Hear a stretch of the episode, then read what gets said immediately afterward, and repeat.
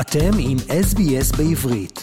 לעוד סיפורים מעניינים, כנסו ל-sbs.com.au.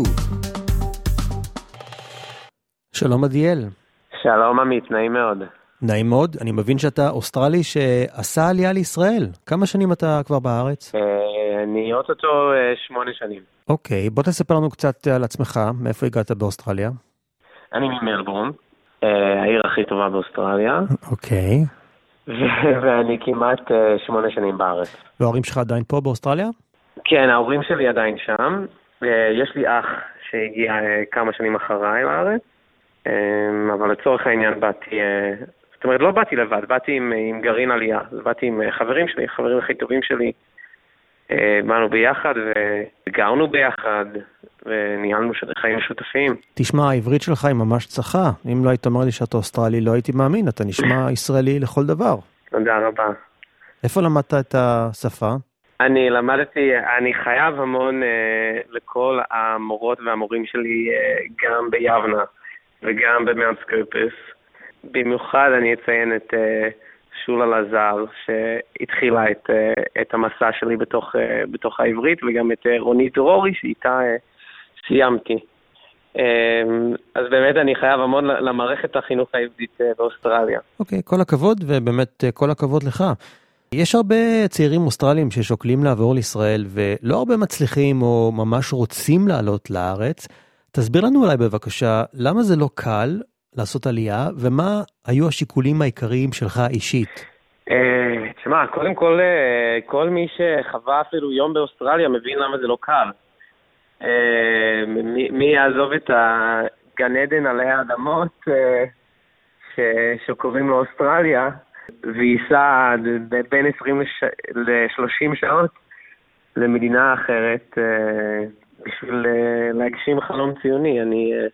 הקושי בעיניי הוא מאוד מאוד מובן, מה, ש, מה שפחות מובן זה, זה באמת מה מאפשר אה, לחלק כן להצליח אה, לעומת האתגר הזה, אבל, אה, אבל זה מין דבר מאוד מאוד מוזר, כי, כי אני לפחות, אני גדלתי בבית דתי, במסגרות חינוך יהודיות, גם בבית ספר, גם בתנועת נוער, בבית כנסת, זאת אומרת, הכל הכל הכל היה תמיד מוקף ציונות. מהמם.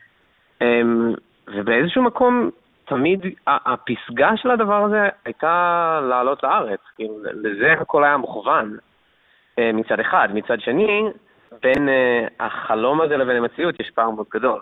אה, זאת אומרת, הצעד של לעלות על מטוס זה בעצם צעד ענקי. אז אני בתור בן אדם צעיר, זה מצד אחד תמיד היה לי מאוד ברור שזה מה שאני הולך לעשות. אה, מצד שני, החלק המעשי היה, אה, היה משהו אחר. כאילו, אני, אני מרגיש שבסופו של דבר, מה, ש, מה שגרם לי לעלות לארץ, לפחות באותו רגע שבאמת החלטתי לעלות לארץ, זה היה זה שהחלטתי ביחד עם חברים שלי. אוקיי. אה, ואז בנוסף לדבר האידיאולוגי, זה היה אה, משהו חברתי. משהו שהוא, שהוא שונה ומוזר, ואני לא אקבל אותו באוסטרליה. איפה אתה גר בישראל? בתל אביב. היום אה, גרתי חמש שנים בחיפה, ו... אני זוכר את אה, תל אביב בתור עיר ללא הפסקה, אם זה עדיין ככה?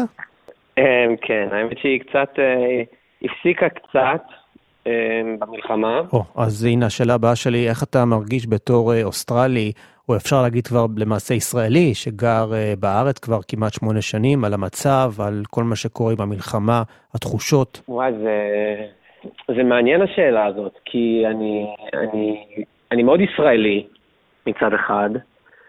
אה, זאת אומרת, אני לא, אני לא מערער על המקום שלי פה, וגם אף אחד מהסובבים אותי לא מערער על המקום שלי, אבל כן יש משהו ב, באירועים או משברים בסדר גודל כזה, שהוא כן אוטומטית אה, מציב שאלות. זאת אומרת, אה, לצורך העניין, אני חי עם אה, בת זוג שלי, אה, ובשבילי אוטומטית, גם אם זו לא שאלה אופרטיבית שאני באמת, באמת שואל את עצמי, ברגע שיש מלחמה, זה, זה שם איזושהי, איזשהו אה, סימן אה, שאלה על הקיום שלי פה. אה, על עצם הקיום שלי פה, עצם הקיום של המדינה גם, אבל גם שלי כ- כבן אדם פרטי בתוך המדינה. ו- והיא אין לה את זה, וזה איזשהו... אה, זה משהו ש, שלמי שנולד פה קשה, קשה לו להבין את זה. קשה לו להבין שזה לא ברירת מחדל, ואז אמ, תמיד אתה נדרש לענות על השאלה למה אני פה, גם אם אתה פה שמונה שנים או עשרים שנה או חמישים שנה. מה אתה מרגיש אה, היום? ישראלי או אוסטרלי שגר בישראל? גם וגם. אני, אני לא רואה סתירה בין השניים, אני גם ישראלי ואני גם אוסטרלי. אוקיי. Uh, יכול להיות שאני קודם כל אוסטרלי דווקא כי, כי אני בישראל. זאת אומרת, באוסטרליה תמיד הייתי יהודי.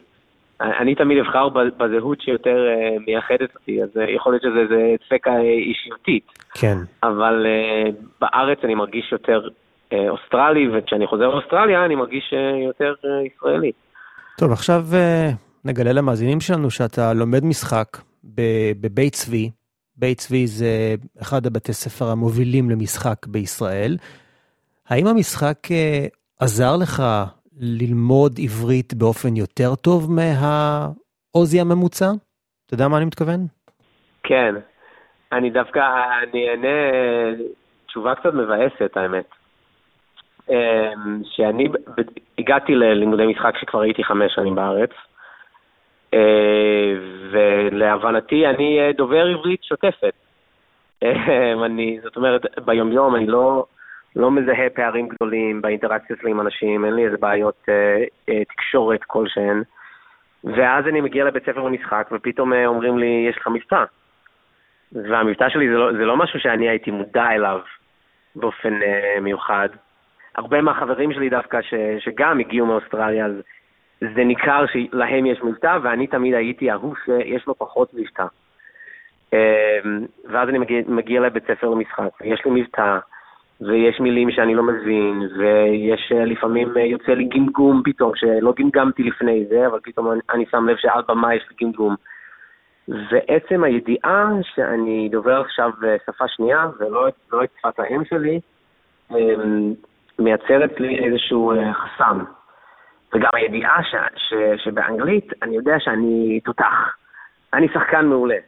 ופתאום אני צריך לעשות את זה בעברית, ואני לא בטוח. אוקיי, okay, מעניין. ולגבי מילים שאני, אה, שאני לא יודע ופתאום נתקל בהם, אז האמת שזה מצחיק, אני מרגיש שאני יותר, אה, יותר קורה לי שאני נתקל במילים שנתקלתי בהם הרבה פעמים בעבר, ואף פעם לא עצרתי לשאול מה באמת הפירוש של המילה הזאת. אה, ואז פתאום כשאני צריך לשחק את המילה, ואני צריך לדייק במה אני מתכוון במילה הזאת, אז אני צריך לדעת מה באמת המשמעות שלה, ולא פשוט להסתמך על זה שאני יכול להבין אותה מתוך ההקשר. אוקיי, okay. אז אה, בוא נשאר בנושא הזה של המשחק, ואני מבין שאתה כעת משתתף בהצגה של ניל סיימון, ותספר לנו קצת על ההצגה ומה התפקיד שלך, וכמובן שבהמשך אני אשאל אותך לגבי הקשר אה, למה שקורה כעת בישראל מאז השביעי באוקטובר למעשה. אז בוא באמת נתחיל מההצגה, תספר לנו קצת על ההצגה.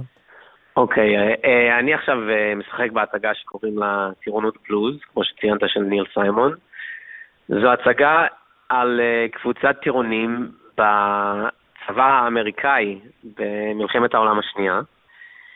אה, וזה מספר בעצם על הטירונות שלהם, וזו הצגה על נעורים, ועל אהבה ראשונה, ועל אה, דינמיקות קבוצתיות בתוך מחלקה של טירונים, והתמודדות ראשונה באמת גם עם, עם מלחמה, ועם פחדים שקשורים למלחמה.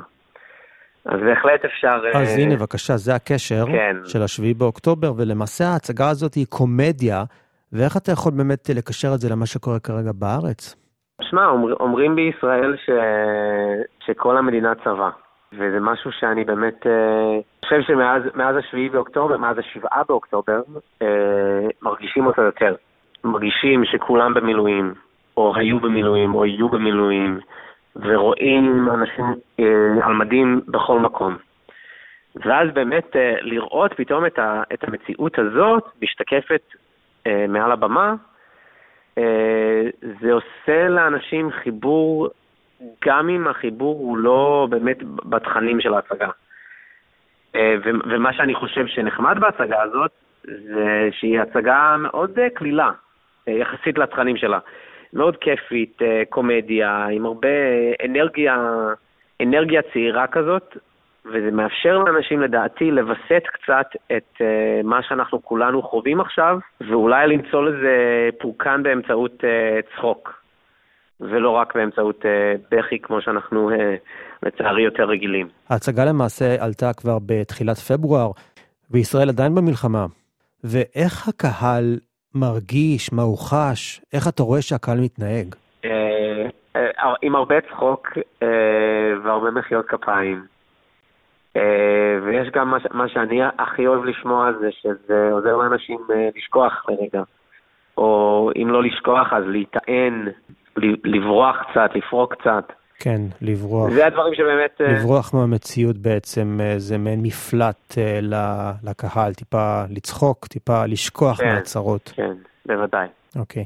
אולי לסיום, עדיאל, תספר לנו על המחזה שאתה תרגמת מאנגלית לעברית מחזה בשם Hibernation. כן, Hibernation. הצגה אוסטרלית, נכון? הצגה אוסטרלית, כן. זה הצגה אה, מאת מחזאי שקוראים לו פינגן קרוקמאייר, שהוא מאדלייד. זהו, זו, זו הצגה לא רק אוסטרלית, אלא אדליידית, שזה עוד יותר ייחודי. אוקיי. Okay. אה, וזו הצגה אה, על אה, אסון אקלימי מתקרב. זה בעצם הצגה עתידנית. שמתרחשת ב-2040, ומצאנו את המחזה הזה, וחשבנו שהוא רלוונטי מאוד להיום. אה, והיינו בקשר גם עם המחזאי, ובסוף אה, תרגמנו אותו לעברית, וזה הולך עכשיו לעלות לראשונה בארץ. וזה מאוד מרגש אותי, האמת. כל הכבוד, זה נראה לי חתיכת עבודה. כמה זמן לוקח לתרגם כזה דבר? לא ספרתי את השעות. אוקיי. אבל במצטבר משהו כמו שבועיים, שלושה. ומן הסתם אתה גם משחק שם, נכון? אני גם משחק שם, כן. יפה. אני באמת רוצה שאלה אחרונה לשאול אותך לגבי המצב בארץ. בכל זאת, אה, תן לי ככה הרגשה אישית שלך, מתי אתה חושב שבאמת כל המלחמה הזאת תסתיים ומה יהיה בסוף? תשמע, אני, אה, אני לא פרשן פוליטי ולא פרשן צבאי, אה, לשמחתי.